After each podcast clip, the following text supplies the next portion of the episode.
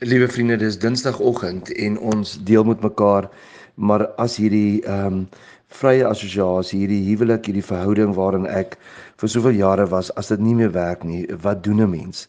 En ons het gister vir mekaar gesê dat jy vir mekaar eerlik sê, ehm um, dat hierdie werk nie meer nie. En en dat jy mekaar nie probeer vernietig nie, mekaar probeer seermaak nie.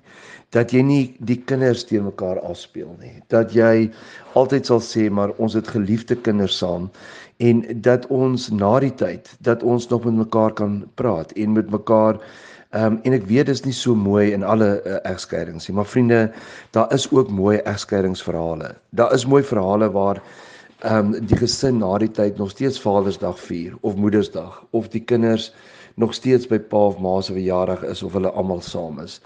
Ehm um, en daarom vriende sal ek altyd eerste aanbeveel en ehm um, daar is wonderlike ehm um, Christen prokureurs onder ons. Nee, mense wat wonderlike werk doen mense wat nie mense wil uitbuit nie, mense wat nie wil geld maak uit mense nie, maar ek het al baie in hierdie prosesse gesien. Ehm um, dat die twee mense wat teen mekaar is, raak nou moeg geveg vir mekaar of hulle hulle wil mekaar nie aanvat nie en dan trek hulle 'n regspan in. En ek het al gesien dat hierdie sake by 'n 7-800 000 rand kan draai dat dit vir 10 jaar kan aangaan. Vriende, hoekom wil jy dit doen? Ehm um, ons vernietig net mekaar en ons vernietig ehm um, net die lewe waarin ons is. So ek sal meerentyd sal ek ehm um, die proses van mediasie aanbeveel waar jy klaar voor die tyd klaar besluit het wie neem wat na wie toe gaan die strandhuis na wie toe gaan hierdie ehm um, en jy 'n ouerskap plan opgestel het wat vir jou en die kinders gemaklik is en jy gaan lê dit net vir die mediator voor. Ehm um, en dit raak 'n baie vinniger proses en dit raak 'n baie goedkoper proses. En dat ons vir mekaar sal sê dat ons ehm um, het mekaar liefgehad en vrede saam geleef op 'n stadium, maar dat ons nie nou mekaar wil vernietig nie. Dat ons nog steeds vir mekaar omgee, maar net nie meer saam in dieselfde huwelik kan bly nie.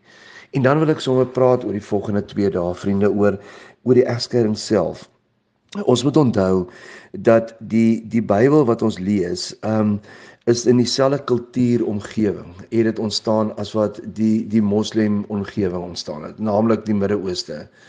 En ons weet dat by Islam dat een man kan 'n hele klompie vrouens hê. En um in die Bybelse tyd het dit so gewerk dat jy hoef nie net by een vrou te gebly het maar jy kon 'n paar. Ons lees selfs van Salomo wat 100 vrouens gehad het. Um en hoe dit dan gewerk? En dit is mos anders as vandag se egskeiding waar iemand vir 25 jaar 'n pad saamgestap het en geworstel het en mense gaan sien het en op die ou end besluit het maar ons kan nie meer hier doen nie. So kom ons praat môre verder hieroor en ons help mekaar hiermee.